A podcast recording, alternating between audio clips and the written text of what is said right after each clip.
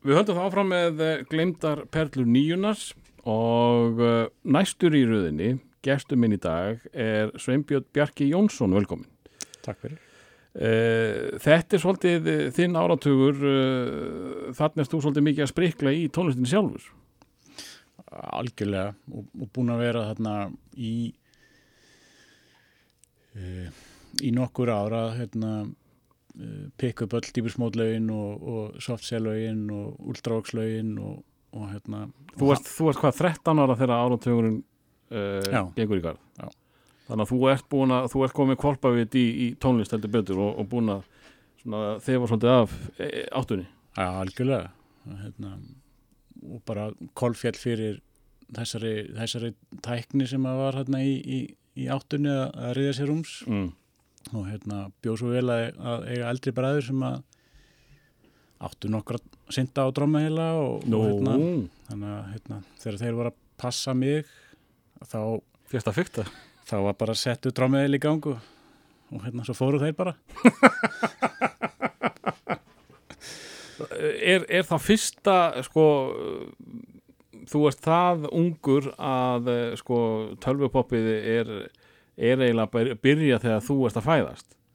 já, Þannig að eh, er þetta svona það fyrsta sem þú tekur eftir sem svona þegar þú ert að fá eitthvað tónlistavit, þá er ég að tala fyrir utan halv og latta og, og vinni þeirra.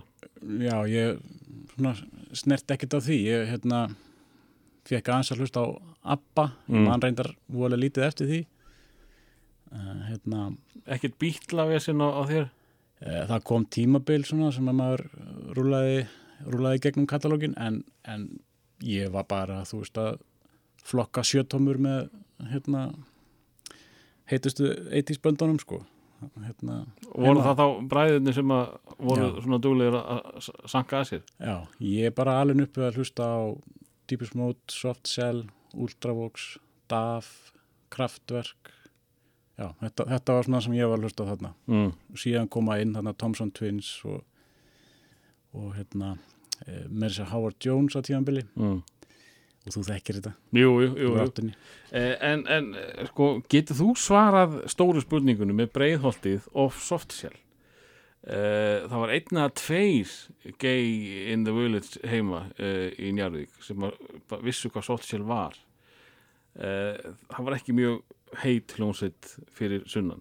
Nei, En nú er ég búin að fá óvart fullt af fólki uh, bara úr hólabrekkuskóla og soft shell bara, það minnast allir á það. já ég veit ekki hvað hva þetta var sko en, en hérna, og mér alltaf jafn skrítið að tala við fólk í, í tónlist sem kveikir ekki á Soft Cell en um leiðum að segir svona Mark Almond og Tainted Love þá kveikir fólk sko Mm. en Það getur ekki nefnt mikið fleiri lög með þeim. nei, Nei.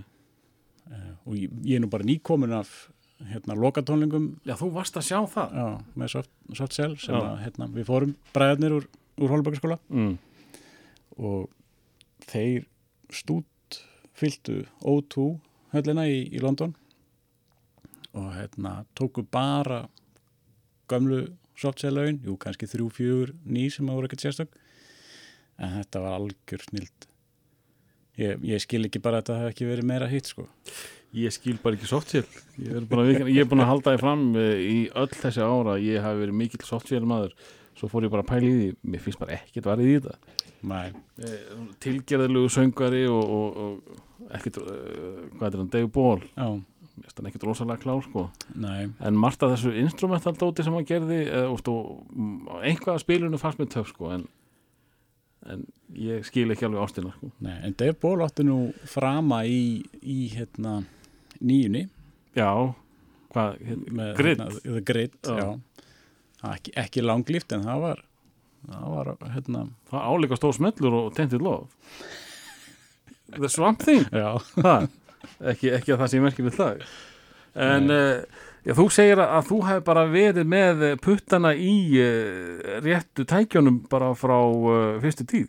Já, ég lærði bara hvernig það var programmera trommaheila og, og þrján og þrjá bassaheilan og, og, og nota hérna þessa analog synda sem að allir voru að nota þarna í, í áttunni. Og svo held ég því áfram þegar ég fór stopnaði mína fyrstu elektrónsku hljómsveit sem að var til í hérna Hólabrökkurskóla mm.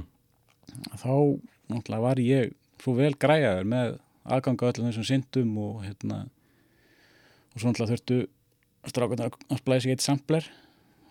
Svo við getum nú verið með í, í hérna, því sem var að gerast þá. Og þannig, þannig byrjar þetta sko. Eh, Heyrður þú þáttinn með honum Steinari Kvarasi? Já, Kannast þú þetta triks með að já. Mind in Motion hérna, sem að ég var í, við gerðum þetta með hérna uh, eitt lag sem við gerðum sem við hérna, fengum aðstof frá Bonnie Tyler mm.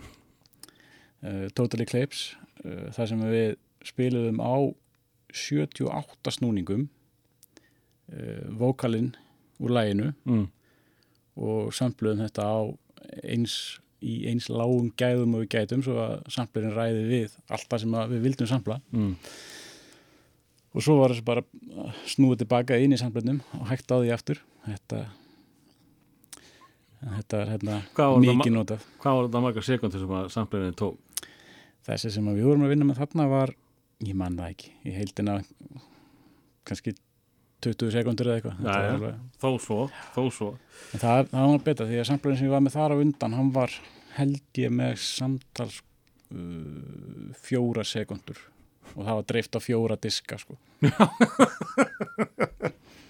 Það er eh, einhver smá breyting á, á þessu í dag, getur við sagt já, En, en eh, svona fyrstu, fyrstu árin, hva, hvað var að heilla þig tónlistalega séð? Hverju voru að, að dansa með þér?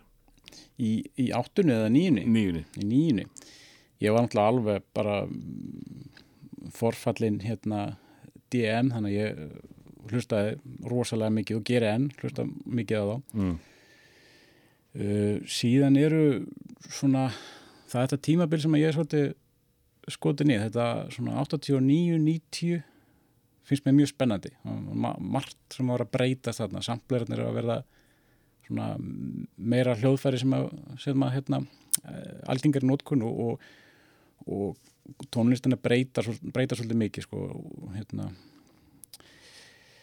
ég var rosa hrifun af til dæmis 808 State uh, þetta sem að Moby var að gera örli fannst Mm. mér mjög, mjög flott um, uh, svo var bara sér gróska í þessu, þú veist við vorum svolítið mikið búin að skipta þessu í tvo flokka softcore og hardcore það var svona það sem við vorum að vinna með í Mind in Motion Mm. og, og við leikum okkur rosalega mikið að því að blanda þessu saman Mm. þannig að lag gætt verið bæði og Það voru, það voru soft kablar og yfir í hardcore kabla Já. En, en, en nú veist, þú ert mikill eh, DM að þau segiru á þessum tíma og þarna er Dífas mót mjög sterkir. En samt ferðu í miklu meira hardcore sjálfu sem, sem tónlistamæður Já, og, hérna, það stjórnast kannski svolítið af því að ég var að, hérna, að vinna með þessum strákum úr Hólabökkarskóla sem voru allir, allir DJ-ar mm.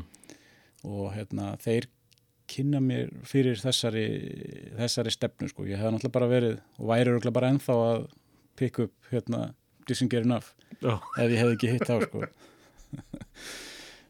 en hérna já, það er hérna þröstur og, og vignir og, og fleiri í kringum okkur hérna á þessum tíma sem voru með mér í Mind in Motion þeir hérna kynna mig fyrir þessari stefnu Mm.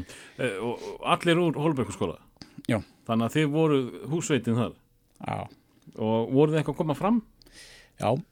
Hljómsveitin kemur fram þarna í, í hæfileika keppni í Hólabergskóla sem var nú hérna já. An, ansi skemmtileg. Uh, við unnum ekki en hérna uh, tókum þarna þegar hljómsveitin kemur, kemur fram allir ég hef ekki verið í níunda bekk.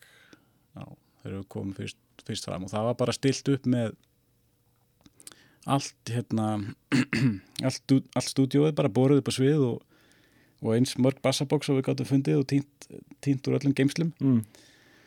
og svo var bara blastað og hérna við vorum búin að gera sagt, svona okkar útgáfu af uh, Public Enemy lagi sem við vorum aðeins búin að svona, setja í stílinn Já.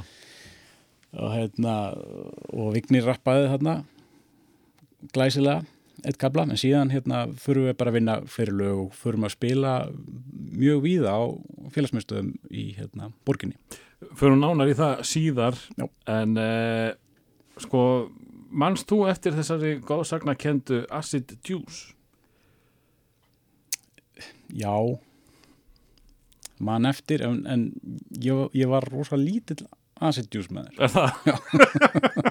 Er það, eh, sko, sagan segir að þeir eigi fyrsta rapplægið á Íslandi á íslensku. Já.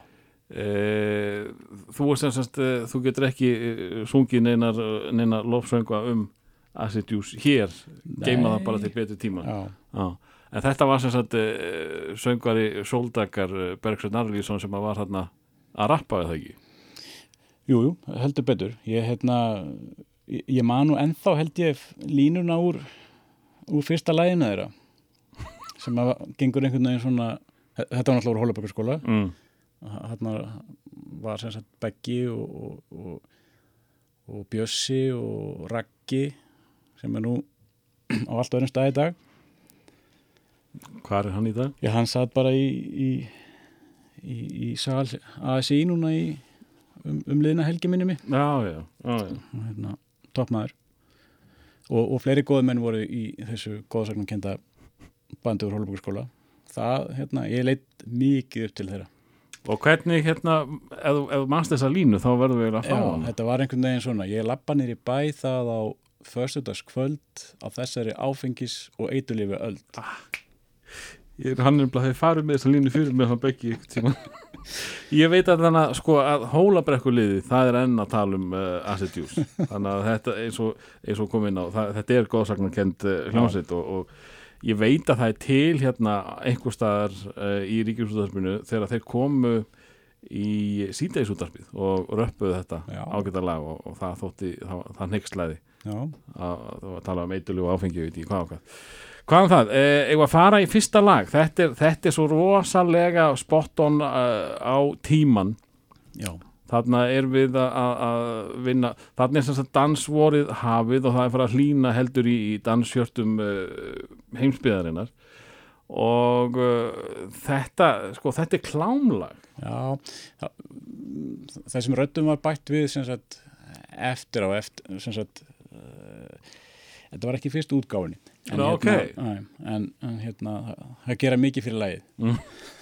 Var þetta sérst alveg eins það fer þetta niður í, í lokinu og svo aftur upp. En, en, en stúlkan uh, ákvaða að kíkja inn í lagið já, þegar að þetta, þetta kom út þá á smokkið eða eitthvað? Já þegar það var sem sagt mann ekki hvað leipil það var sem, sem pekkaði þetta upp uh, og, og gaf út í, í stóru upplægi sko þá fyrir það útgáfi var þessu bætti ef ég mann rétt mm. en þetta, þetta er uh, svona stór leikmaður í þessum bransaði það ekki upp frá þessu Já, já, Lilús hefur verið hérna kannski ekki yðin við kólan en hefur gert þó, þó nokkra hittara Mm. en það sem að ég fannst svona merkilegast við þetta lag er bara, þetta er akkurat þetta transaction tímabil, 89 til 90, Mm. þetta svona summerar upp þessa breytingu sem að er að eiga sér hérna. Heyrum hér Lil Louis og Friends Kiss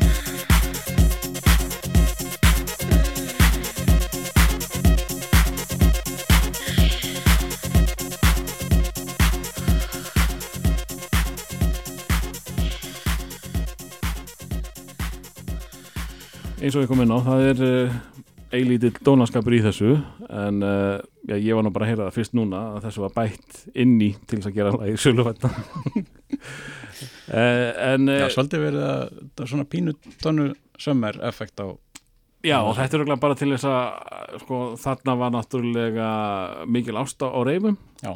og þetta var ekki til þess að minka hana Nei. uh, og þetta var náttúrulega punk þess tíma þessi harða danstónlist uh, Já. þetta þótti hart í þátt en áfram höldu við Jó. og uh, þú ert komin í 808 State og þú ert ennþá svona að daðra við áttuna líka þetta er svona Já. bæði og Þetta- er svona, já, þetta er mm, svona lógist næsta skref inn í, inn í nýjuna. mm.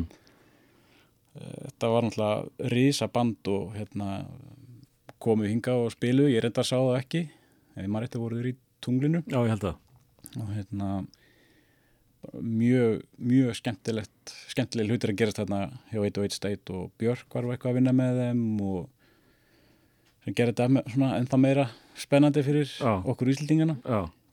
Þeir hefur verið ekki eitthvað remix líka sem að, sem að hérna, mikið að pæli og mjög, mjög skemmtilegar hérna, forritanir fyrir, fyrir þá sem að voru að búa til tónlist á þessum tíma mjög, mjög áhugavert að fylgjast með þessu, þessu bandi. manstu sko, nú mann ég ekki nákvæmlega manstu hvort að, að við heyrum Dansbjörk fyrst þarna með þeim eða gerum þetta með þeim eftir að, debut kemur út? Nei, ég held að þetta hafi verið uh, einmitt á þessu, þessu tímabili sem hún var að svona uppgöta á dansinn og, og, og elektrótónlist þetta er svona svolítið langt frá sigumólum og þetta segja. Já, og maður svona sá hann ekkert vera að fara í þessa átt. Ég, nei, það má kannski þakka eitt og eitt að hún hafi valið þessa leið? Já, ég held að sé í raun og veru uh, alveg sama hvar þú kemur niður í hennar feril að þú getur aldrei sagt, nei, ég sá þetta ekki fyrir.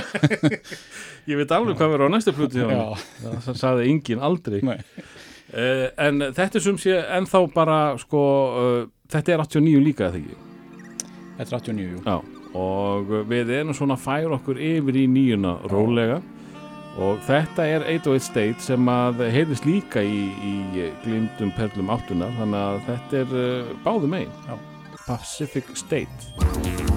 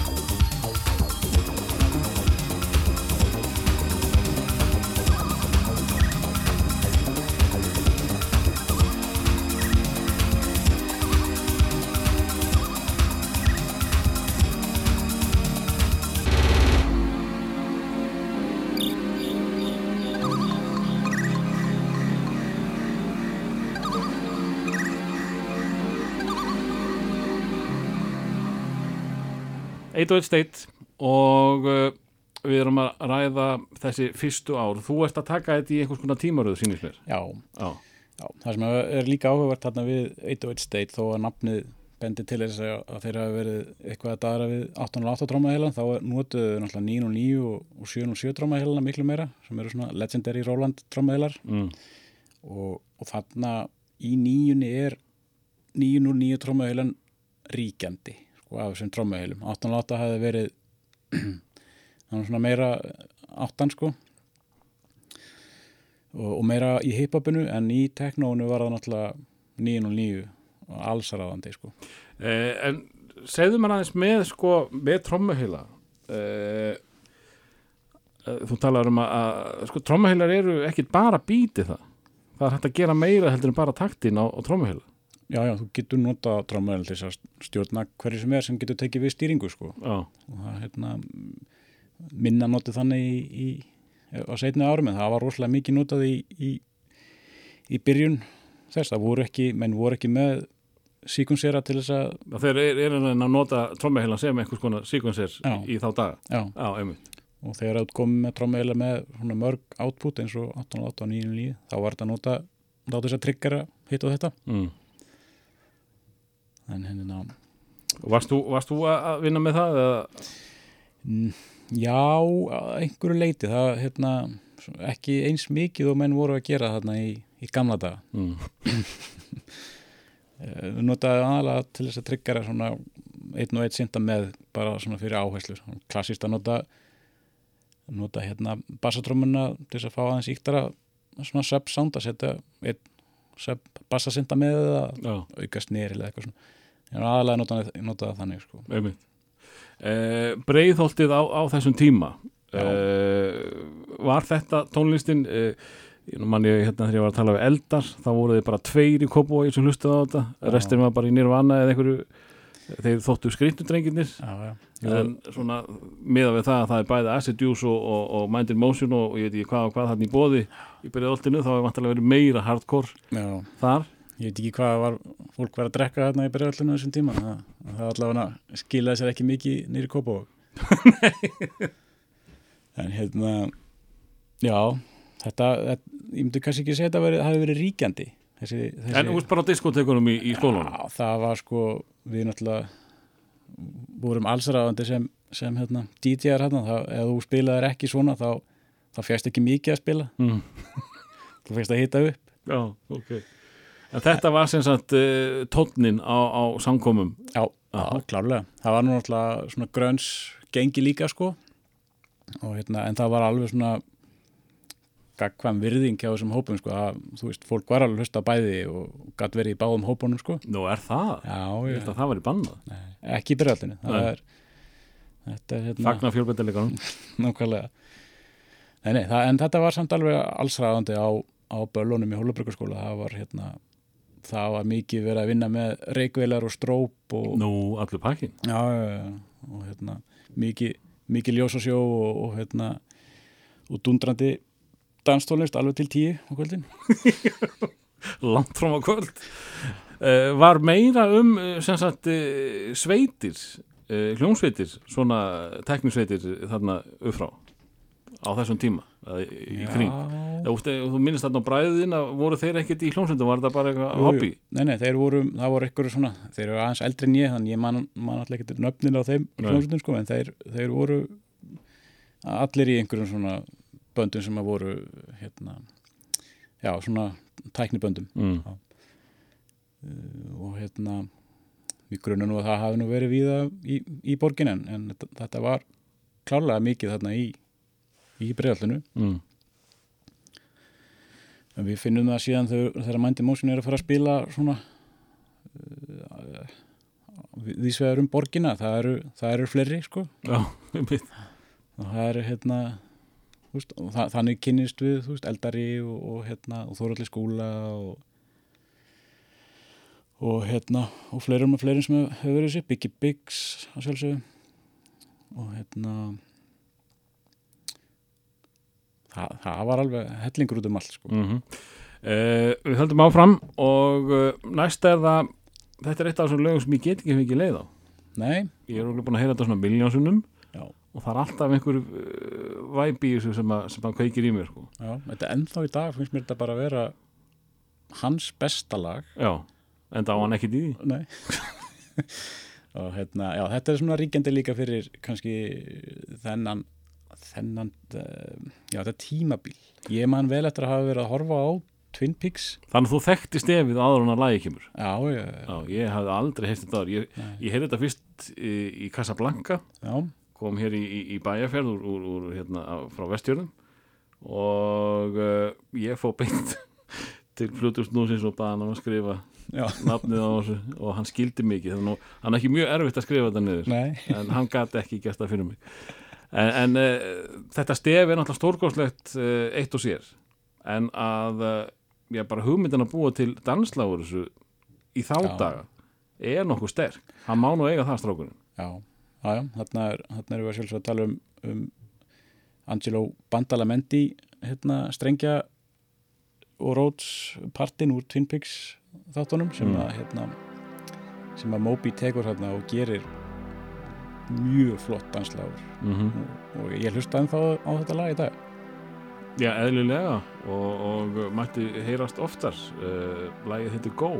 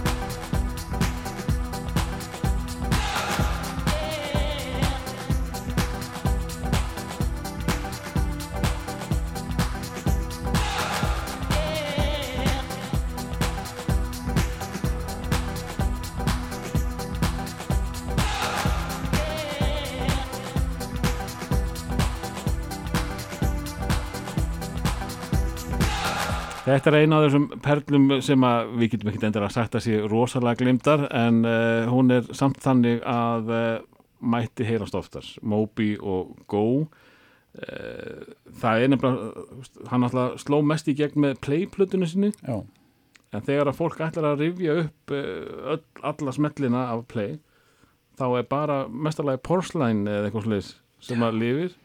Og svo þarf fólk að fara í þetta lag sem er hvað, tveim, þreim plötum áður eða eitthvað? Já, þannig að uh, já, hann sló feitt í gegn en skildi lítið eftir sig allan af þeirri plötum já og það er ein svona tenging ef ég má. Já, hérna, Alan Wilder sem að er nú minn maður úr Mode sem er því miður hættur í því bandi hann var með projekt sem, að, sem hann kallaði sig Recoil. Mm.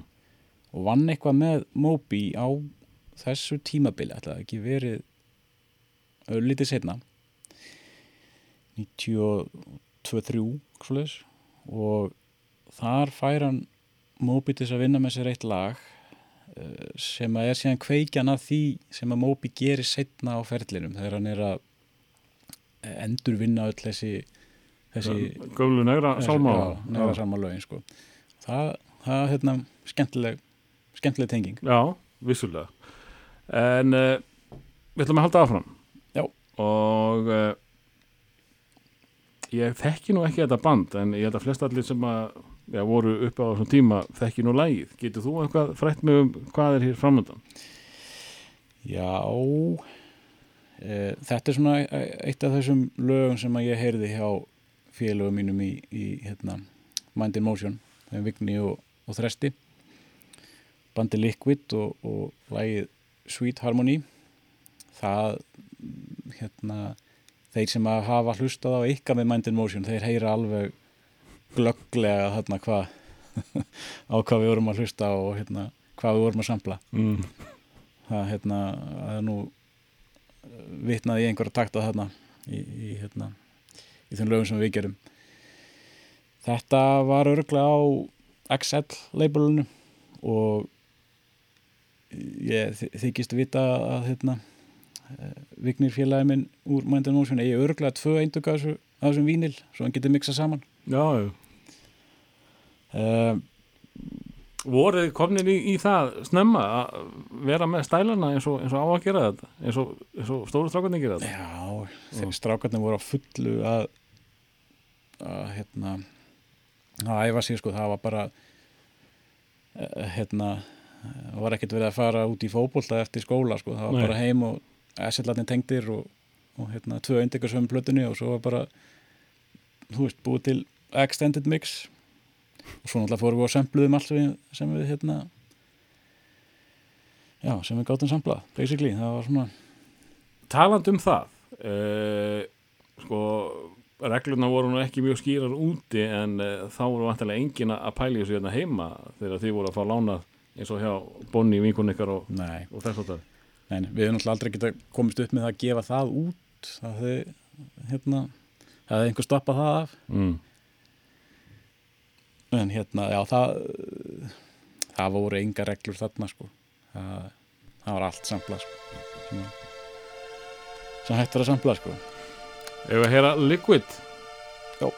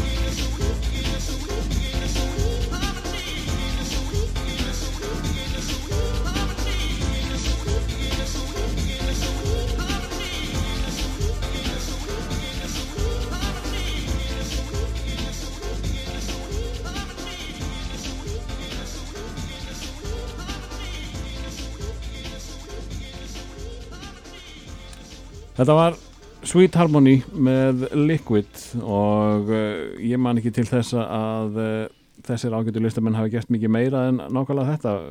Þekkið þú þá sögu? Nei, nú bara fyldist ég ekki meira með þeim sko. Nei, og hérna svona eftir eftir þetta það var svo rosalega gróska í þessari tónlist að maður bara ég komst ekki yfir það að hérna muna öll þessi nöfn og, og hérna og fylgja þeim eftir, það er líka bara þá var aðeins öðruvísi aðgengi að upplýsingum mm heldur en núna. Núna myndi maður líma sig á það og, og, þú veist, fletta þeim upp og, og hérna, vera vinnur þeirra á Facebook og Twitter og nákvæmlega.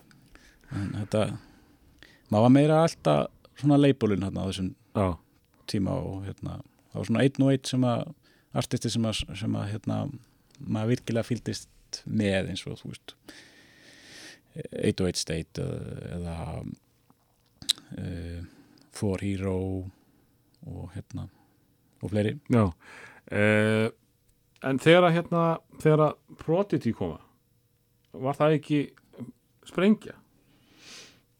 Jú, það er það og hérna og það er alveg þetta það er alveg þetta að heyra áhrif Prodigy í í, í hérna danstónlist á, á Íslandi á þessum tíma. Mm.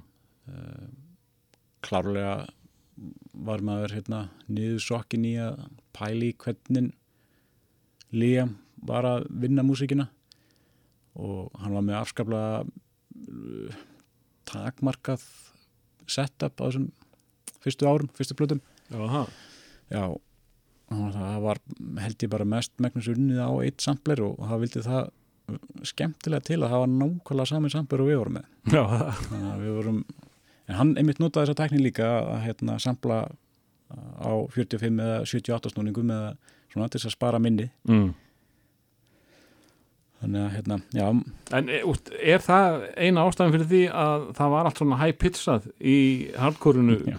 fyrstu árin, það var bara uh, geta sampliðsins já, já það, það hljómaði náttúrulega ekki eins vel þegar þú varst búin að spila þetta svona hratt inn og fórst að reyna að peita þetta niður aftur og þá var þetta náttúrulega orðið frekar slöppgæði sko mm.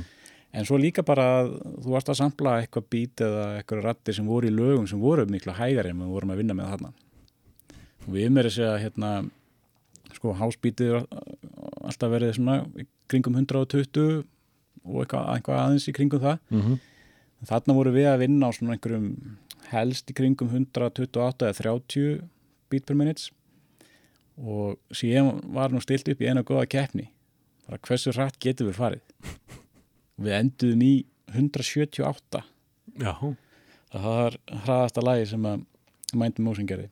Uh, komst ekki Moby í hinsveita bók Guinness með hérna I'm feeling so real það var var, frekar hratt, ég man ekki hvað var mörg bít á mínúti En uh, nú ætlum við aðeins að, að uh, kynnast uh, já, drengjónum úr Holo. Það er Mind in Motion og þú varst aðeins að koma inn á það að þið voru að spila í ykkar skóla en fóruð að færa út kvíjar þráttur að hafa tapað hæfileika.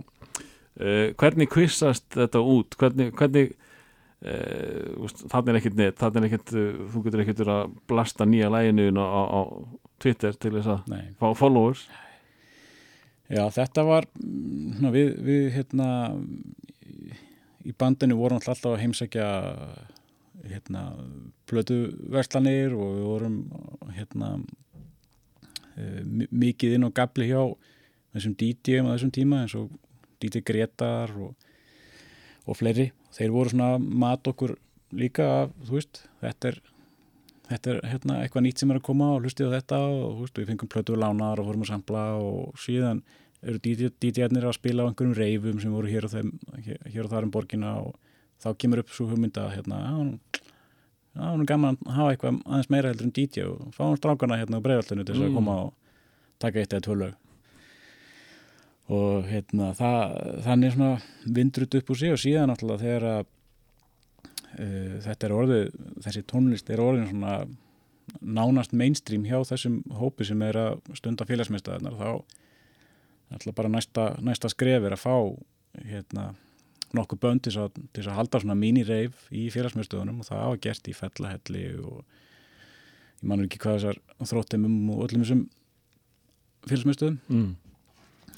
Og hérna og já, svo þróast þetta einhvern veginn þannig að þetta er orðið svona orðin einhver kjarni af einhverjum, ég veit ekki tíu böndum eða eitthvað svona sem er að búa til og það er verið að hérna henda einu og einu lægi inn í partysón og þeir eru að spila þetta þrákarnir og, og hérna, þetta er svona Já, Já. Partizón er eiginlega bara netið ykkar.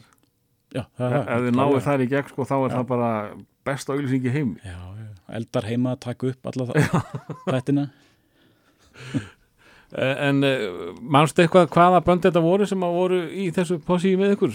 Þú nefnir þarna tíu bönd uh, Þetta snýst náttúrulega rosalega mikið um að því þetta er svo nýtt. Já, tæknin er það ný að þetta er bara snýst rosalega mikið um hverju fljótastar að læra og græða frekar en hverju besti tónl tónlistamæðurinn já, það snýst upp bara hver, hver er sniðustur að nýta sér tæknina og, og hérna og, þú veist, já, gera flottustu taktana og, og, og hérna bestu melodíunar það var Já, eiginlega bara þannig. Sampla bestu lögin. Já, Já, já við, við vorum rosalega lítið í því að sampla sko melodíur og þannig en, en hérna mikið að sampla sampla beat og, og sjóða saman. Mm.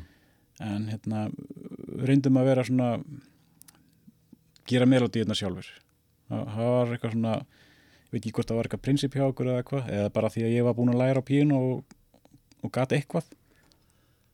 Það var svona kannski re- reynt að spila eitthvað inn á það en þarna voru já, ég var búin að nefna náttúrulega Þoruldur Skúlason og Bjössi Bjögin, þeir eru náttúrulega mjög framalega á þessum tíma og hérna uh, svo var hérna Biggie Biggs hérna kallaði sér DD7 og Muri hann var hérna líka.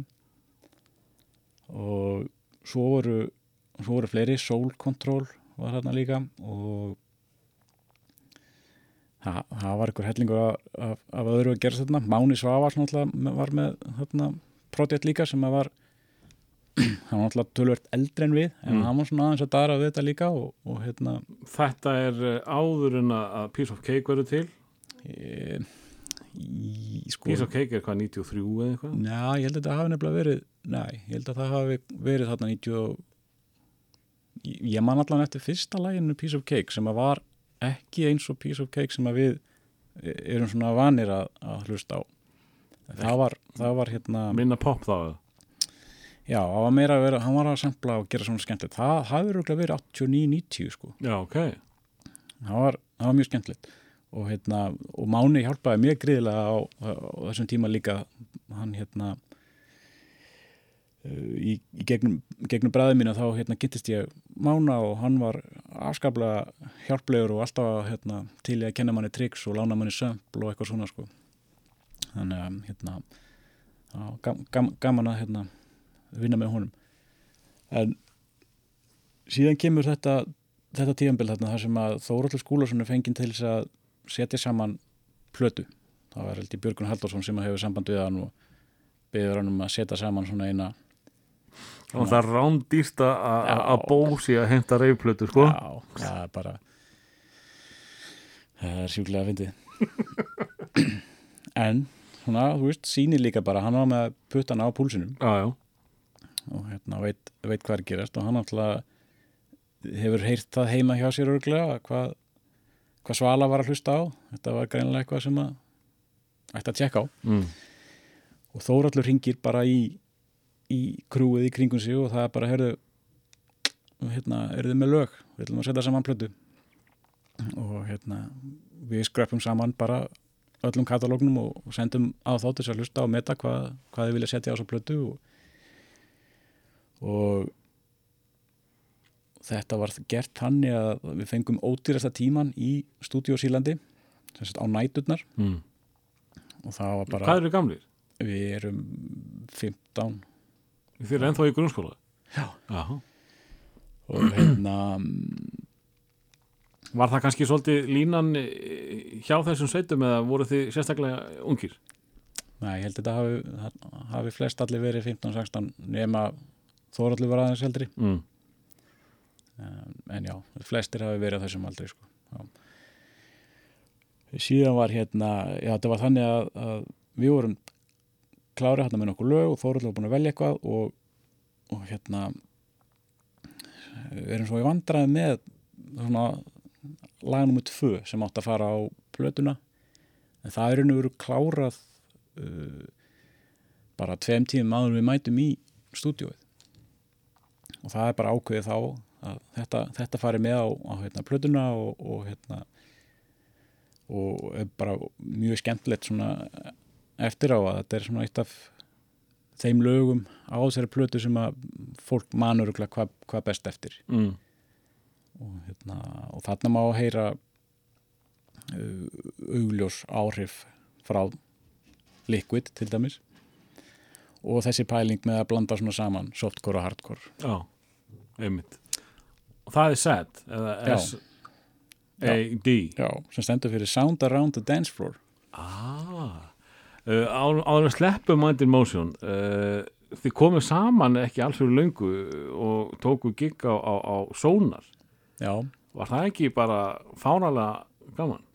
það var mjög gaman það var uh, það var einhver hópur svona í kringum okkur sem að hérna fóra stað með uh, svona Facebook áskorun Mm. eða hérna sem var senda á uh, þá sem að stóðu fyrir þessari hátíð á þeim tíma og þeir hérna já, ef, þú, ef þið fáið hérna, mann ekki hvað það var einhver, einhver þúsundir til þess að læka þetta, þá hérna setjum við setjum við Mind in Motion á dagskrá og hérna, og það gerðist og við lögðum okkur alla fram og fengum hérna mjög færan uh, leikstjóra til þess að vinna með okkur í, í videografík og, og sem var svo með okkur á, á sviðinu, Guða Jónsson vinnu minn Mm.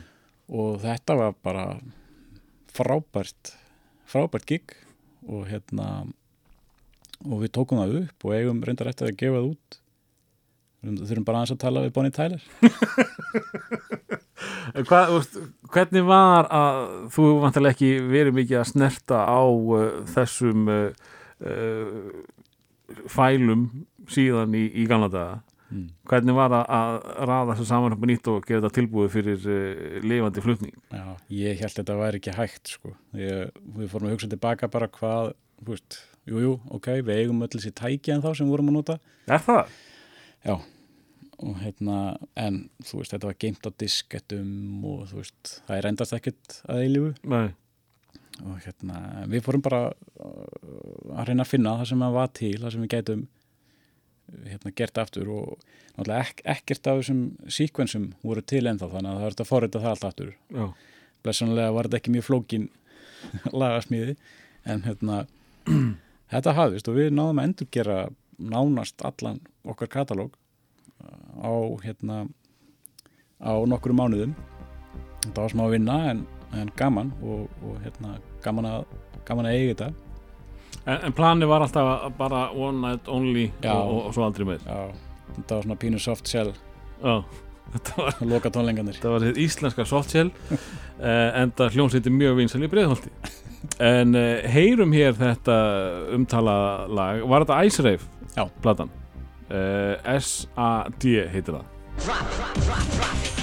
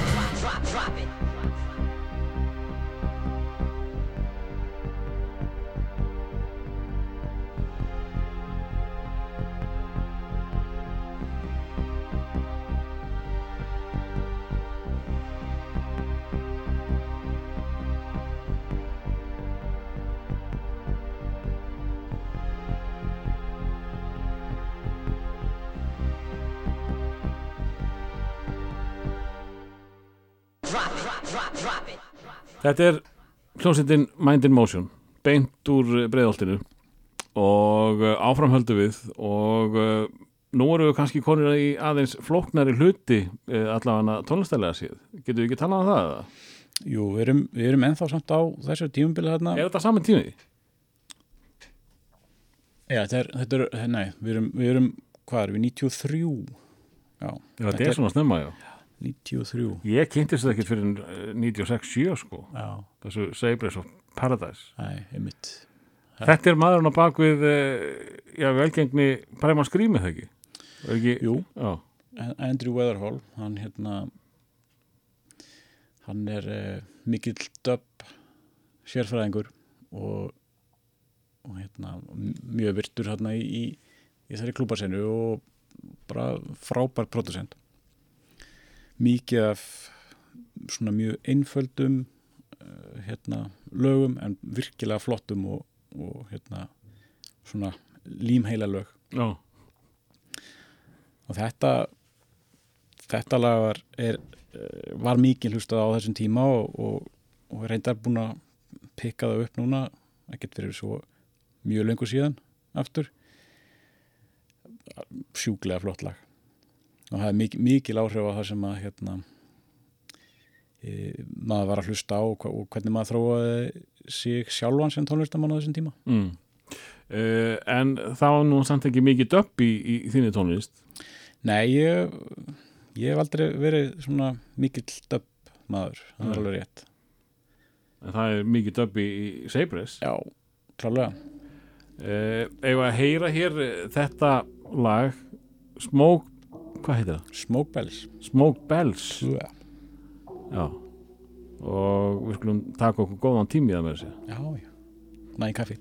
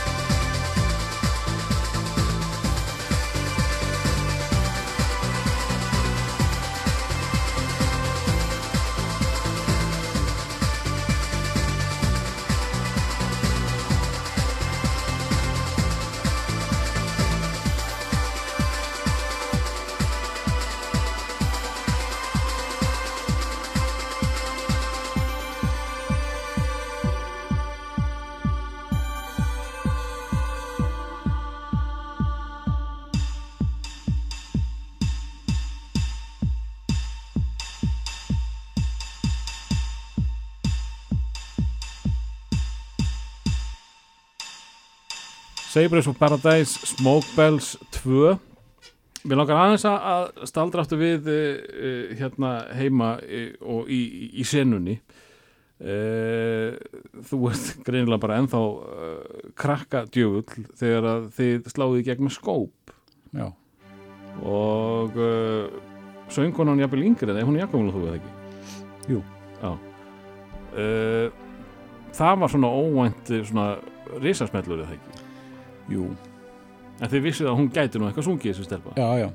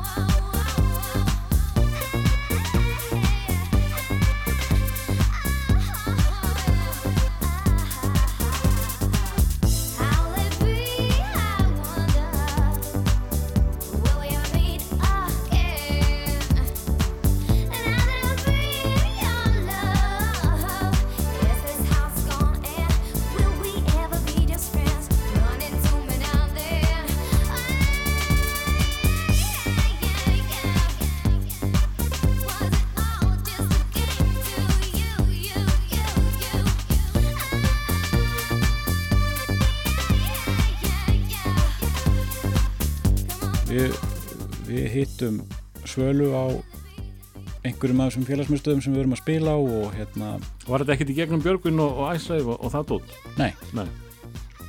Um, ekki, ekki þannig beint, ég held að hann hefur örgulega bara reynd að halda henni frá þessu. Já. en hérna uh, við hittum hann á einhverju félagsmyndstöðu, strákarnir örgulega frekar en ég, ég er svona meira tilbaka og þeir svona meira út á við mm. Og þeir, uh, hver eru það sem þú talar um sem þá? Já, þetta eru my, my partners in crime þarna í Mend in Motion, Vignir Þór og, og Þröstur og hérna og þeir koma, ef ég mann rétt kom með þessu hugmyndum að hei, skulum hérna, gerum eitthvað með svölu og, og hérna eh, sem og við, við förum svo að gera á þessum tíma var ég var eiginlega svona Mind in Motion í eh, svona að, að liða undir lok og ég var fann að vinna með hérna, DJ Gretari og DJ Margeri og, og fleirum. Og þetta enda þannig að, að hérna, ég var búin að vera vinna einhverjum hugmyndum með svölu og, og þá kemur Marger uh, með þá hugmyndum að taka hérna gamalt og glemt diskolag og, og hérna smetlaði í nýjan búning sem að eh, það er ekkert hægt að finna þetta lag í daginn ég Já. það sko. Og erfitt að finna þetta á túbunni allan síðastir í reyndi. Eh, og eh, þannig að eh, skópið verður til og uh, stelur sölu af Mind in Motion. Já, þetta hefur einhvern einhvern veginn verið þannig. Það, þú það, það varð aldrei neitt. Við gerðum aldrei neitt með svölu í Mind Motion. Þetta Mm. er svona einhvern veginn það band svona liðaði sundir lók og, og hérna og, og ég var farin að vinna með þessum hinum herramönnum. Og hérna og það var mjög skemmtilegt sko á þessum tíma, þá voru nánast allir DJ-ar voru að vinna með einhverjum strák sem átti sampler og tölvu sko. Mm. og, og það var margir svona verið að hérna, spurja betur, já en minna þú veist þú veist þessi DJ þeir kunni ekki á þú veist, hljóðfæri eða tölvu eða neitt svona? Þá, þá spyr ég þig eh, rétt eins og með Mind in Motion þú talaður um að þeir hefðu verið DJ líka eða ekki, hinn í tveir í bandinu. Já. svo ertu með tvo já, þekta DJ með þeir í, í, í skóp. Hva, hvert var þeirra hlutverk? Ef þú það síðan að, að gera allt það sem að já, það, klárlega eru þeirra hlutverk er að vera í pródusera stólum mm. segja hvað það gera. Já, hlusta á þetta og gerðu, gerðu eitthvað eins og þetta. Já, já, og svo er þetta bara, þú veist, þessir einstaklingar eru bara með þetta í blóðinu. Þeir eru búin að vera, þú veist hlusta á þessa tónlist og kunna réttu uppbyggingarnar og veist, ég, hérna, og meðan ég var náttúrulega kom úr áttunni og var að hlusta á meira pop, sko. Mm. þannig að þeirra, þeirra hlutur okkar klárlega þetta, koma með hugmyndunar og svo var það bara fyrir mig að framkoma. E, og þarna erum við þá vantalega komin í pure soft core það ekki? Jú, algjörlega. Og ástæðan fyrir því að ég var ekki að gera dub var náttúrulega að við fór, fór þarna bara í, í poppið sko. Mm. og, og hérna, já, við tökum þetta lag og það er, kemur bara mjög vel út, þannig að það er mann ekki hvernig þetta fór sko, hérna einhvern veginn dettur þetta inn á borðuruglega hjá Björgvinn og það er það er hérna bara skellt í upptöku í Sýrland og og hérna lagið bara á komið út á plötu þarna um sumarið. Svo var bara já, instant hit og við spiliðum í öllum félagsmyndstöðum á stóru höfuborgarsvæðinu uh, og víðar. Og þetta var bara brjálæðislega skemmtilegu tími. Við, við spiliðum alveg ótrúlega mörg gig og þá þetta mér í hug eins og hérna Steini Kvaras í talaði um sko þegar þeir slóu í gegn með sitt hardcore eða hvað sem maður var að gera þá hérna voru þeir mikið að spila en uh, áttu kannski ekki það mikið að lögum. Það var bara að spila þrís og fjórusunni það, það sem við áttu. Já. voru þið að vinna með það sömu uppskrift? Við, við tókum ekki Can't Walk Away fimm sinnum. Eins og sumir. En hérna, nei, við, þetta lag var bara spilað einu sinni en við hérna, við, við drifum okkur stað og kláruðum man, ég held að við höfum örglega samið einhver 2-3 lögu viðbútt við Svala. Mm. uh, sem, sagt, sem við áttum sjálf uh, og svo kerðum við svolítið mikið á bara 90s prógrami. Við, við hérna, coveruðum fullt af skemmtilegum lögum og, og hérna það var snapp og það var sem að hún er svolítið að vinna með í dag veit ég. Já, hún er að leika sig með 90s program og er að gera allt vittlust með það. Já, já ég var, var einmitt að senda henni nokkra grunna sem við áttum til frá þessum tíma. Já, er það? Og hérna, já þetta var hérna skemmtilegu tími. Við, já, við náðum alveg að halda út góðu prógrami. Mm. og hérna eh, á einum tónlingum þá var ákveðið á Ingolstorki að henda í uh, duett þar sem að Svala og Pallóskar myndi nú hérna taka lag saman og við ákveðum að taka hérna Lost in Music. Þannig þau náðu náttúrulega að tengja svolítið á diskóinu. Mm og það, það er svona, já, það, þannig held ég að þetta hafi verið fyrst það sem ég kynntist Palla og síðan átti ég eftir að vinna helling með honum í nýjunni Mm. uh, en þetta var hérna ógleymalegt á þessum tíma og, og, og þessum tíma voru, var sem sagt skóp í stúdíói með hljómsveit sem að þá hétt T-World og var setna Guskus. Já, já.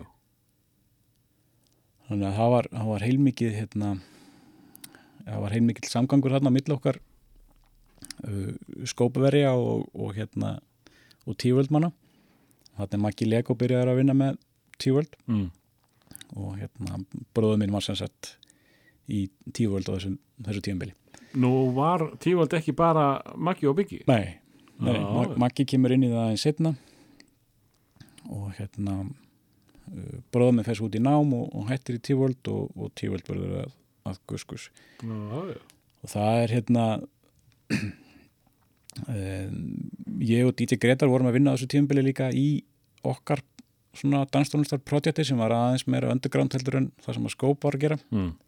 og við vorum koni með útgáfu í Brellandi sem að var hásbreytt frá því að gefa út e, tóldömu með lagi frá okkur e, sem að heitir Ultra Magnificent og við fengum bygga veiru til að gera með okkur eitt ambient mix og, og hérna og tíföld til að gera eitt svona club mix að læginu uh, síðan klikkar leifbólið úti ekkert verður útgáðinni og uh, mixið sem að hérna, tíföld gerði endar síðan á fyrstu plötu Guskus Nú? Já. sem var þá hvað Lægið, Já. ég mann ekki hvað er kölluðu það, við verum eiginlega að finna það. Er það, er það pörpúl eða? Já, gott að það var Mér ekki minnir að það hafi verið allavega Já. fyrst. Já, jú, það er örglega purple. Já, já. Það, það, Þannig að það er remix af, af ykkar lagi? Já, en, en sko ég, ég hérna hjó eftir því að þið voru að spila mikið eh, skópið. Svala á, á hljónema þú á græjur. En hvað voru plötusnöðin tveir að gera á sviði? þeir voru að styðja sig við, styðja sig við hljómborðin bara og þetta svona Andrew Fletcherar Já,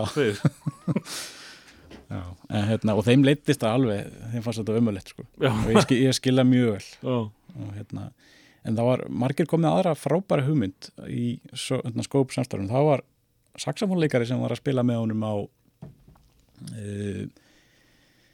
klúbum við svegar um, um borgina sem að hérna, hann, hann, hann hérna, stakk upp á að fá hann til að spila með okkur live Mm. og, og setna spilaði hann í einhverjum lögum sem við tókum upp líka. Og það er hérna, Óskar Guðjónsson. Já ok. Og hann spilaði þarna með okkur í Name drop much, Já, ok. nákvæmlega. Hann spilaði þarna með okkur í, í árum dörglega og, og þvældist með með röri sett út um allt og hérna og spilaði og ótrúlega flottur hljóðfærarleikari og gerði mikið fyrir bandið að hafa svona meira heldur en bara svölu sko. Mm. oft erfitt fyrir söngvara að bera einn þú ert með sko þrjá bakvið hljómborð, við þekkjum þetta við sem við höfum séð típist mótlæf Mm hérna, þetta, er, er oft mikið vinna. En hann gerði heilmikið fyrir, fyrir bandið og rosa gaman að vinna með hann Hva, Hvað liði þetta skópaæfintýri leiki? þetta hefur verið þetta hefur ekki verið rúmt ár, tæp tvö sem við vorum svona að vinna saman. Svo, svo hérna veiktist ég og, og við vorum ekkert að vinna heilengi og, og, og Svala fer síðan að vinna með Bubbleflies. Mm. Uh, en uh, þarna er við vantilega að fara líka að dadra við þá skemmtistaði uh, bæði bara vegna vinsælda og svo er, er það náttúrulega nálgast í aldri. En er ekki orðin lögleg er það þegar að lægi slæri gegn. Nei, ég var bara nýkom með bílpróf þegar að þegar maður var farin að kera bara norra á Akureyri til þess að taka eitt gig sko. Nei. en það, það voru nokkuð stór nokkuð stóri tónleikar sem við tókum þarna. Það var, við hittuðum meðal annars upp fyrir fyrir eh, Prodigy. Já hvaða, fyrstu klústi já, Já, sem var þá í Kaplakrika. Kaplakrikanum Já, og hérna það var er það 94 eða? Og Hvernig var það? Eh, Þið vantilega ekki ekki vön svona rosalegum eh, fjölda? Nei, og, og, og var þetta ekki svona frekar æstur uh, uh, mannskapur? Mjög æstur. Já, og við svona meðvitað eða ekki vorum svona aðeins búin að herða prógramið fyrir þetta gig sko. Að aðeins tókum já, bættum við einhverjum svona aðeins harðari lögum til þess að þess að hita fólki betur upp að, að við töldum, ég veit ekkert, hvort það hefnaðist en þarna, það var rosalegur hiti þarna í salnum og, og ótrúlegu fjöldi mm. Þetta var þetta var mjög gaman, ég maður reyndar ekkert eftir þessu þetta var, þetta var eitthvað neginn svo stórt að maður bara blakka á það sko. nákvæmlega en svo setna þetta sumar þá ef ég man rétt, ég held að það verið setna þetta, þetta sumar þá eh, kemur hérna hljómsveit sem var ekki droslega þekkt og, og hérna og, og voru með tónleika í hérna, hvað heitir þetta? Kólaportinu? Kólaportinu, já Já, og hérna var ekki Kitty í, í hljómalind sem fluttið það inn ég held Ef það hefur það gengið illa, þá held ég að hann hafi komið nála því já. þar, þar hérna hittum við fyrir, fyrir hérna, já, Saint Etienne og þar hitti ég í fyrsta skipti hérna Björn Blöndal bassaleikara Ham mm. og hún fannst alveg geggjað að spila með okkur hérna á þessum tónleikum Spila hann með ykkur? Já, já. Ha- Hann, hann mundaði spýtuna þarna Já, uh, og svo lánuðu við seint í tjén alla sintan okkar ok. Þannig að, þannig að þau, gáttu nú komið fram. Ég held að þetta hafi verið allt, allt meira og minna playback á þeim eins og okkur. Já. En, en segðu mér sko, þetta er náttúrulega þetta er eh, umtalað uh, gig þó að sé ekki endurlega gæðana vegna heldur að uh, hljómurinn þarna inni var ekki upp á Nei, bestu fiskana. Þetta var mjög erfiðu salur. Er það ekki? Jú. Uh, ég hérna já það hefði þetta trýta eins þetta, þetta herbergi Mm. sem maður segir en já þetta var en þetta var rosa skemmtilegt og ég mér alltaf verið svona, þótt væntum þetta band seint í tjén eftir þetta Mm. Eða heyra Saint Etienne? Já. Þetta er vissulega glemt perla og þetta er nú eitthvað sem að heyrist bara aldrei ég held að það sé búið að loka þetta niður einhvers staðar já, komið tíma á Like a Motorway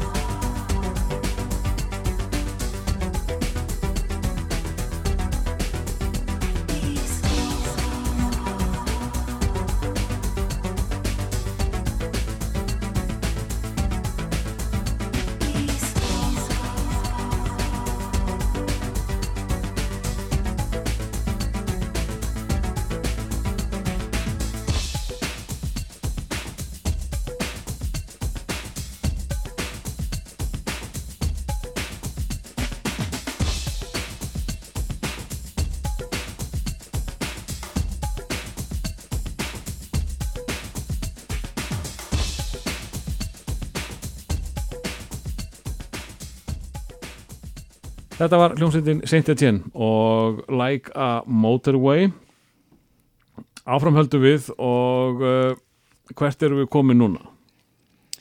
Já, þarna er í, í mínum uh, ferli er svona komið að, já, það er, það er svona turning point, skóp er, er hætt og, og ég, ég erfiði þarna írskan þræl bassaleikara sem hafi spilað með okkur skópurum, hann kom úr, úr allt öðrum heimi, hann var bassaleikari í, í hljónstinni Júkatan sem að á tengingu líka í, í Breiðholt og reyndar Árbæ líka Býtu, voruð orðin bara stór band? Já, það vantaði raun og veru bara gítarleikar og trommara sko. Já, ok þetta var, þetta var orðið svolítið stort sko. Já, þannig að við ég og þessi bassaleikari sem heitir Birki Björnsson við fórum að vinna, vinna saman þarna eftir þetta og, og unnum saman í mörg ár. Tónlist Uh, við erum áfram að vinna með DJ-unum um, Margeri, Gretari, Tomma, Andresi og fleirum. Og það er svona að koma meir í hús í strákana. Korið að hverfa? Já, hvori var að hverfa og, og, og hérna. Og já, komið meiri, meiri hús í okkur.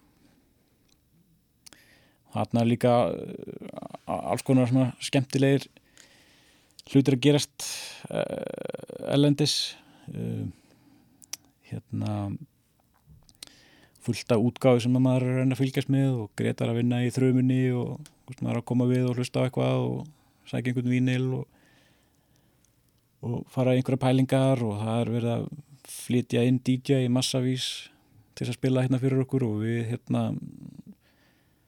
förum að vinna með uh, einu þeirra og búum til hérna uh, grúpuna uh, Icelandic Conspiracy eða Icon. Já, já, og, og hérna og þar var það var, var síðan label og það var gefnur út einhverjar, einhverjar plötur og, og hérna meðal annars hérna með bæði þessu, þessu startprojekti sem við unum, unum með hérna uh, Franki Valentine byrju það er eitthvað stórt nafn út í heimi, það ekki?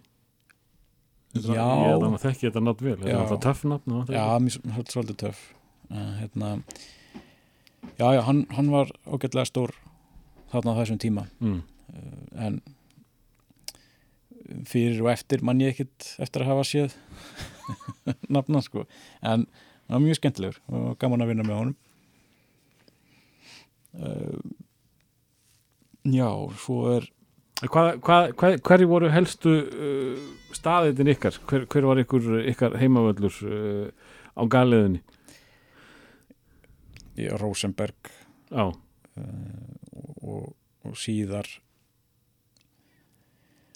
voru, já það náttúrulega kannski á svona skóptíma þá var þetta hérna var náttúrulega margir alltaf að spila í Ingolskaffi þannig að maður svona kíkta hans Ingólskaffi Byrju, hvað á það aftur? Ingolstræti uh, hérna Hotel 101 held ég að sé það núna. Já, sem var þetta síðar spotlight. Ég ætli það ekki. Já, alveg Já, Svo- ég náði ekki svo langt að fara þanga Nei. síðan var náttúrulega Tunglið og já, Rosenberg og, og síðan Thompson það var það var hérna staður sem stoppuð miðilega á. Mm. já, já, það, voru nokkur staðir. Ok. Uh, allstaðar sem hægt var að pota niður DJ þar, þar voru við mættir. E, e, Svona úr einu í annað að því nú erum við búin að tala um það sem þú varst að gera í nýjunni. Síðan í ásnum eða á fyrsta áratu þessara aldar þá fyrir að vinna mikið með tokka já, sem að er bara ekkert að dansa. Nei, hvernig, hvernig kemur það til? hann er að sjálfsögðu bregðallinu Aha, og við, við hérna, tilherum uh, svona sama vinahóp sem að um, sem að leitt okkur svona eiginlega saman. Og, og þá, já, svona einhvern veginn uh, og hann vantaði einhvern til þess að, til þess að vinna með. Mér langaði að gera eitthvað annað. Og og hérna var, var hann á þessum tíma var ég rosalega mikið búin að vera að vinna fyrir aðra og langaði með að fara að gera eitthvað bara sem ég hafði áhuga að gera. Og, og hann átti fullt af lögum og við ákveðum bara á hérna ég bara vinn með þér hérna plötu og, og hérna tölum síðan bara við skífunum að dreifinni og, og hérna eyður tók okkur vel þar og, og hérna og dundraði þess út. Eh, svo vinnum við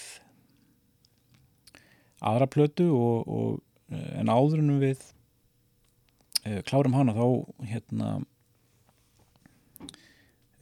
hafði Pallóskar verið að leita lögum og, og hérna kíkt í, í heimsótt til mín og við tokki spiluðum fyrir hann hann nokkuð demo og hún líst vel að hann eitt demo sem vantaði reynda viðlag í. Hann að tokki bara rauk af stað og, og hérna eða hvort það var vessi, mann ekki hvort, hvort það komið. Og, og bara klára á staðnum. Og Palli sem er nú yfirlega mjög naskur og góð lög klikkaði ekki þarna og, og hérna sagðist, sagðist vilja fá þetta lag og við drífum okkur og hérna uh, klárum að taka lagið upp og hendum því til hans og hann, hann hérna, kom með nokkur aðtöðsendur og breytingar og svo bara ringti 800 og bara tekin upp vókall og, og hérna lagið sennilega svona eitt af stæstu hitturum sem að hafa komið á, á, á Íslandi þarna á þessu tímabili mm -hmm. Þið unnuð eh, playbacki fyrir Palla Já. í því lagi Já. en samt var lagið ekkert svo rosa stórt hjá Palla Nei, hann hafði ekki kannski óbeilandi trú á því til að setja það út sem singul þarna, hann, hann svona sá þetta sem albumtrakk held ég. Já, en svo þegar platan er komin út þá ringir í mig ungur drengur úr sömumbústa og spyr hvort að bandið hans hérna, megi gefa út cover af læginu og, og að sjálfsögðu bara sögum ekki spurning. Og þá verður þetta fyrst hitt þá er þetta reysa hitt og, og, og palla útgáðan verður líka hitt. Þannig að allt fyrir í gang. Uh, þú komst í hérstaði mér. Já, uh, við, við könnumst í það lag. Uh, Eða að fara aftur í nýjuna og ég sé að þú varst að, að fara að opna þig hér með þessum vösku sveinum Já. Leftut og, og, Læton. Já. Þetta fannst mér alveg ótrúlega flott stöf Þetta var það ekki Brothers sem gerðu remixið þarna langa? Það er geggja Já. sko. Ég var eiginlega að vona að þú myndir uh, vilja það Já. á listan en eigum að setja það kannski frekar? Já, já, setjum það bara á. En þessi, þessi vókall þarna hjá Johnny er bara hann, svo, hann svín virka svo það, ég bara skil ekki af hverju. Nei. þetta er einhver pöngu brjálaðingur já, sem er algjör disco stjarnar já, þetta er sem sagt uh, sem sé uh, Left Field og uh, Light On uh, Open Up heitir lægið og við ætlum að lauma okkur í uh, Chemical útgáfuna þessu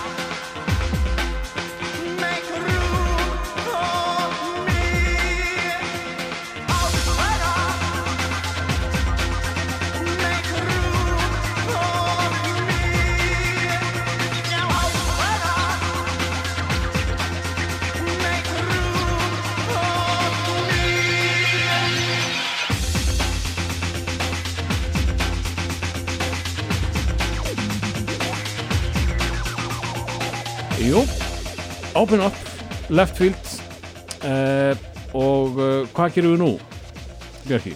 Nú fyrir við í, í á þessum tíma er, já, rosalega eins og við vorum að tala um aðan gróska í hásinu og Mm. við, vorum, við vorum mikið að hlusta á hás og og hérna og, og þetta lag sem að við ætlum að heyra núna næst er, er var mikið spila á klúbunum hann á þessu þetta 95-96 Ég held að þetta svín virki ennþá í dag sko. þetta beat er svo geggjað sko. og melodíun er ekkert verði en, en þetta beat lítið búið að stela því það er 20, rúm 20 ár síðan þá er þetta notað þetta í ansi mikið sko. Já, þetta er, þetta er frábært, frábært lag og, og mjög gaman að heyra Svölu taka þetta líka núna í, í sínu prógrami. Já, er þetta hennar program í dag? Já, Jaha. passar alveg einstaklega vel við hana. En veistu hvað þetta er, uh, D-Lazy? Nei, ég nefnilega kann ekki frekari deila á þessu apparati. Ég held þetta sé bara deep dish Já, já, ok. uh, en uh, ég selða ekki dýra sko. Þessi útgáfa heitir allan að deep dish mix eða eitthvað slúðis og beatið kemur þaðan. Ég hef heyrt, ég hef heyrt aðrar útgáfur án beatsins. Já. Það er ekkert spes sko. Nei, þó að lægi sér ágætt. Þetta, er svo, svo harðar og, hávar á trommur að já. Það er svo skemmtilegt á þessu tíumbili. Það er náttúrulega massast work eru náttúrulega legend þarna og þú veist, maður kefti allar plötur sem að þeir komu nálagt. Varstu orðin svona soft? Já, Ég nefnilega var ekki mikill Masters of Work það, Nei. það var of soft fyrir mig sko. já, ég, sko, þeir dítjar sem ég var kannski að vinna hvað mest með voru svolítið þarna mm. í, í mafinu sko Já. Andres og Tommy og, og Greta líka og, og, og margir líka margir náttúrulega hérna eh, oft verið svona, mikið diskóskotin sko en það sem að mér fannst skemmtilegt þarna var hvernig, hvernig þessir þessi bönd eins og maf voru að vinna með söngunum alveg alveg geggjað.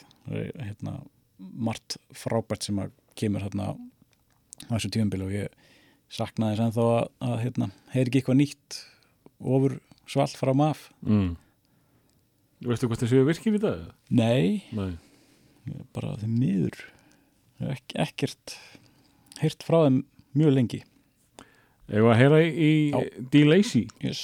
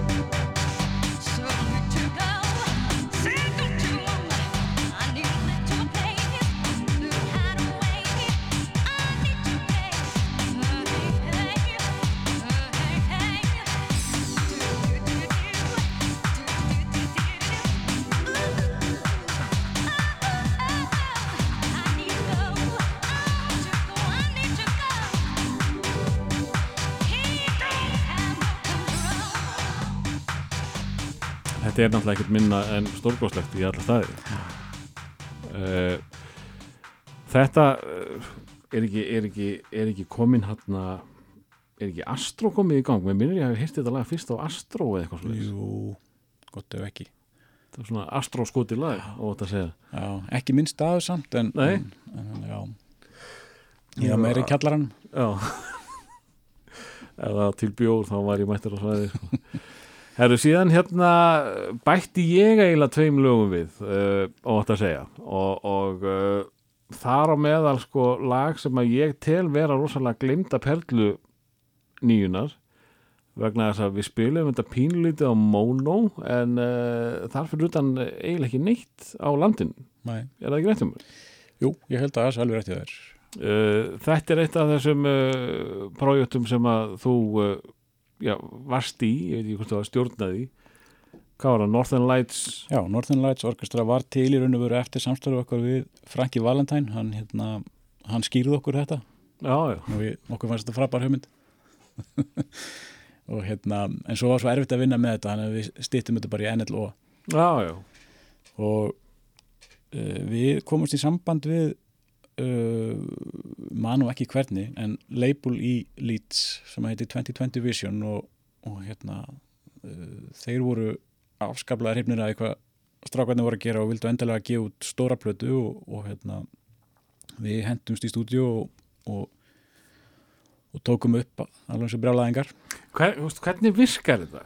Uh, það er eitthvað label hann úti. Mm, okkur langar í, í að gera plötu með ykkur uh, geta þið bara sagt þetta á þess að þið hafið nokkuð í höndunum? Ok, þið bara vinnið eins og brjálæðingar skilið okkur 7-8 lögum og nei, nei kannski við nefnum við þess ekki. Og þá eru þið búin að vera eigða hellinga tíma ykkar Já. í ekki neitt? Já, þetta, þetta virkaði þannig þarna. Við vorum ekkert að hætta í dagvinni sko. nei, ok, hérna, þetta var bara gert kvöld og helgar og, og hérna en, en samt sem áður var það var samningur og það var eitthvað veist, það var eitthvað peningar í spilinu og svona og, og, en ekkert, ekkert til þess að maður geti bara hætt hérna, hætt e, úst, var, voru peningar í spilinu með tilbóðinu eða fenguðu pening fyrir að, keira í gang Nei. vinnu nei, nei, bara Nei. með, með, með tilbúinu þannig að maður maður hafði einhverja gulrót mm.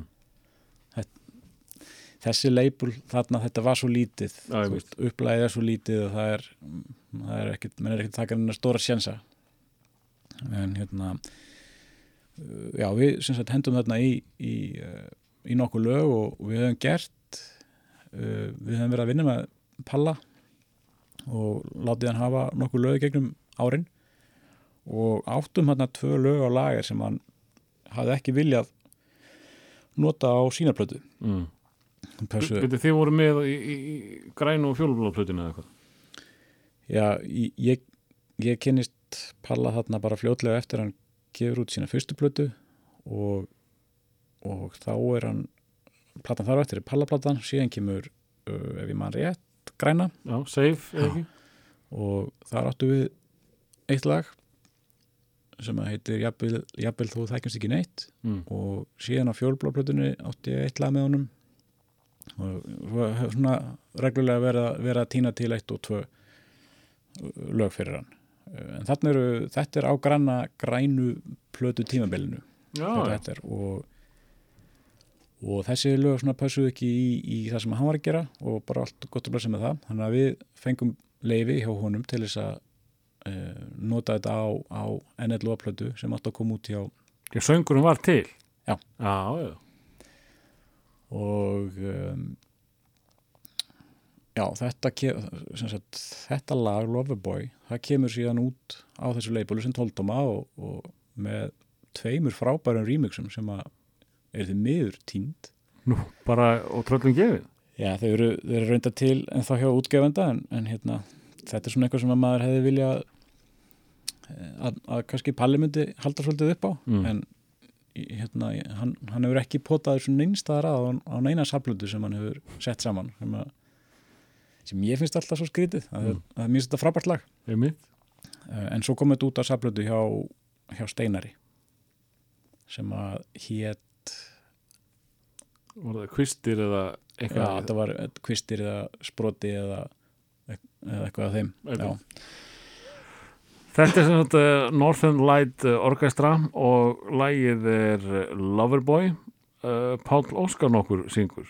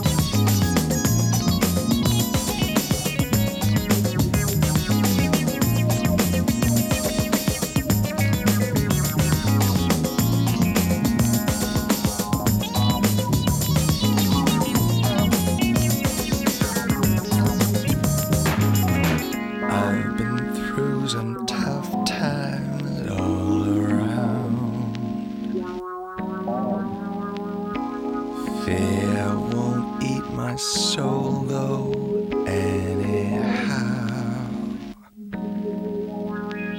Certain things that God provides, and certain things that you can choose. It could be a stroke of luck. You might win and you might lose. But don't you ever let me hear you sing the blues.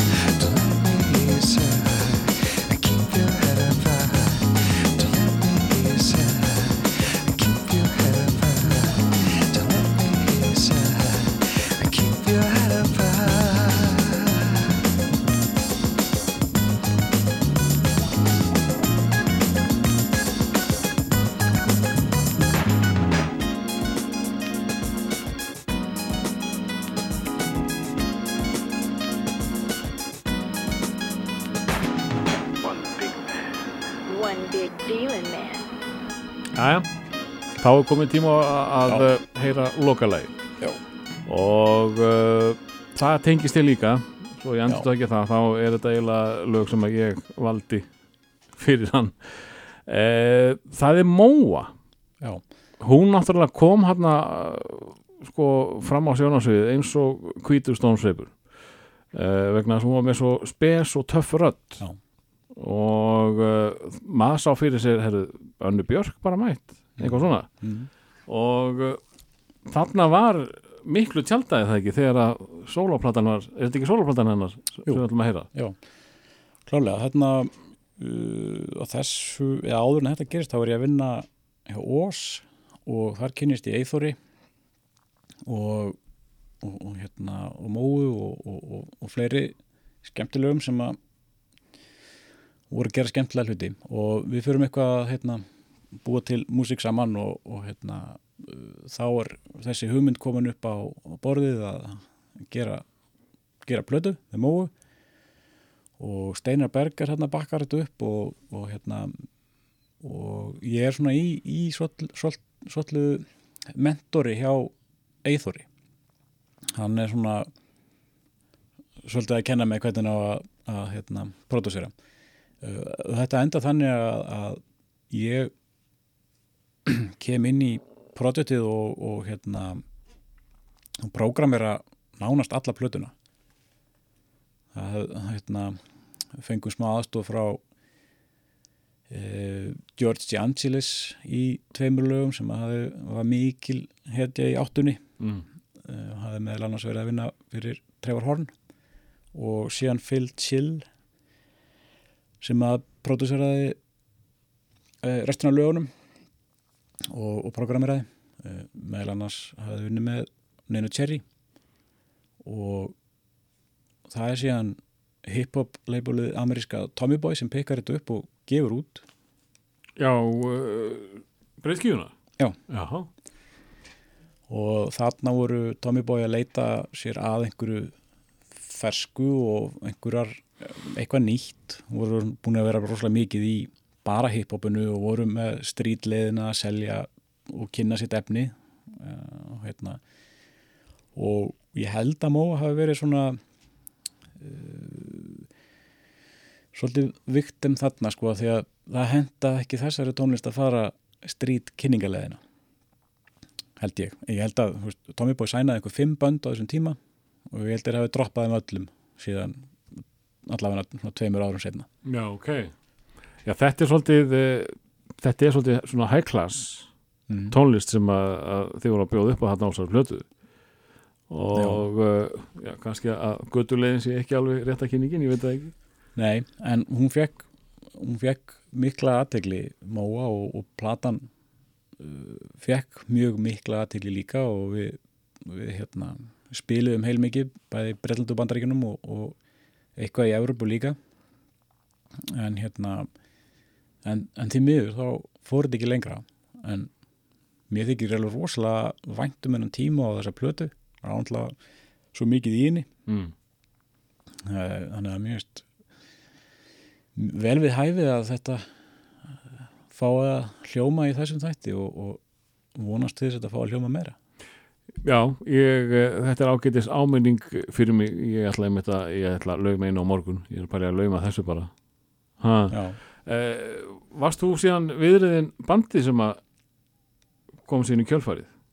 Hvað hétta Leys? nei, Nei. þá, þá hérna uh, var Móa að vinna með, með bræðurum sínum og Jóa Lúka ef maður rétt og þau gerðu held ég eina, eina plötum Mm. uh, ég vann ekkit meira með henni en ég setna vann síðan aðeins með bræðurum hennar og hérna, sem ég, finnst- mjög skemmtilegir og gaman að vinna með Já. og óskilinlegt að þau sé ekki að dundra út lögum í, í hérna, hverju mánuði hérna, mjög skemmtilegir Já, skemmtilegir, ég, ég þekki það nú ekki mikið en uh, með þetta bara með sölustu mönnum landsins. Já, fyrir utan það Þannig að uh, lúkið eitt ætti nú að selja nokkar flötur, anskotin hafa. En svo í kjölfæra þessu þá, þá, þá hérna uh, aðstöðu við, við Birkir hérna uh, Bellatrix að sigra heiminn. Nú, Já, og við prógra, prógrameriðum þeirra fyrstu plötu og hérna sem, sem þau fylgdu, svo eftir. En það var, var mjög gaman að, að hérna, taka þátt í, í þeirri breytingu sem að Kolrasa var í þarna á þessum tíma. Já þannig að það má kenna þér um að tæknivæða kolvarsu. Það er ekki mér að kenna, þetta var algjörlega þeirra hugmynd sko. Já, en ég tók þátt í að framkvæma það Eh, En, eh, og, og þú kemur líka eitthvað aðeins nálægt í Eurovision, viðstu séum að- tala um þetta á annar borð. mm. Eurovision stjórnan Sveinbjörn Bjarki er þetta ennþá með okkur og uh, hvað, hvað var það sem að þú gerði þetta helst? Eh, Já, eftir að hafa unnið þarna með Móu þá hitti ég uh, meðal annars Þorvald Bjarna og hann hafði mjög gaman að því sem ég hafði verið að gera og hann var að gera þarna plötu með, með Selmu og, og, hérna, og, og lag sem að átt að senda Eurovision og fannst vant eitthvað ekstra í það og, og fekk mig til þess að að koma og krydda það eitthvað aðeins. Og hérna það var hennar fyrsta Eurovision lag, já. Mm. þannig að já, það er komið og reyndar kannski ekkert maður ekkert verið að segja frá því ég veit það ekki, komið nálat fleiri lögum sem að hafa farið í, í keppnina og þá erum við komin á næsta áratug Og Hvað var það? það var Silvía Nótt Nú, varst þú með í því æfintýri? já, Hver var ekki með í því? Var ekki Sölvi líka Jú. pródusserað eitthvað? Sölvi hringdi í mig og, og hérna, vantaði vantaði eitthvað smá krydd og hérna og Þorvaldur var held ég líka í því, hann á, hann á þetta lag. Hann álægi, já, Já. já. En já, út, út úr því var hérna, samstarf sem að mill okkar Sölva og, og Bygga Maus sem að hérna, enda í, í einu plötu Silvíu Nótt. Ég var einmitt að rifið upp bara í gær. Frábær plata. Ég nefnilega, sko, ég hef aldrei heyrt hana. Nei. Ég bara, ég heyrði hittla í þarna Thank you baby, sem að mér veist ógislega flott. Mér langar ógislega að heyra rest. Já, Ég bara finn þetta ekki. nei. Eh, Átt þú enda heima? Já, ég skal lána þetta diskinn. Frábæst. Sveinbjörn, takk kjærlega fyrir að sitja með mér og, og, og ræða eins um nýjuna. Við eh, fórum nú á svona helst í þinn feril, en það uh, svona tengist honum eiginlega bara alveg frá uh, fyrsta degi þessa áratögar. Uh, ég hafði ekki hugmyndum að, að þú hefði bara verið tilbúin í, í verkin eftir að, að bræðinir voru búin að alað upp í, í Nei. tækninni. Nei, nákvæmlega. Bara gott uppbyldi. Takk fyrir komin og við ætlum að enda þetta á uh, Móeiði og uh, Memory Cloud. Takk fyrir mig.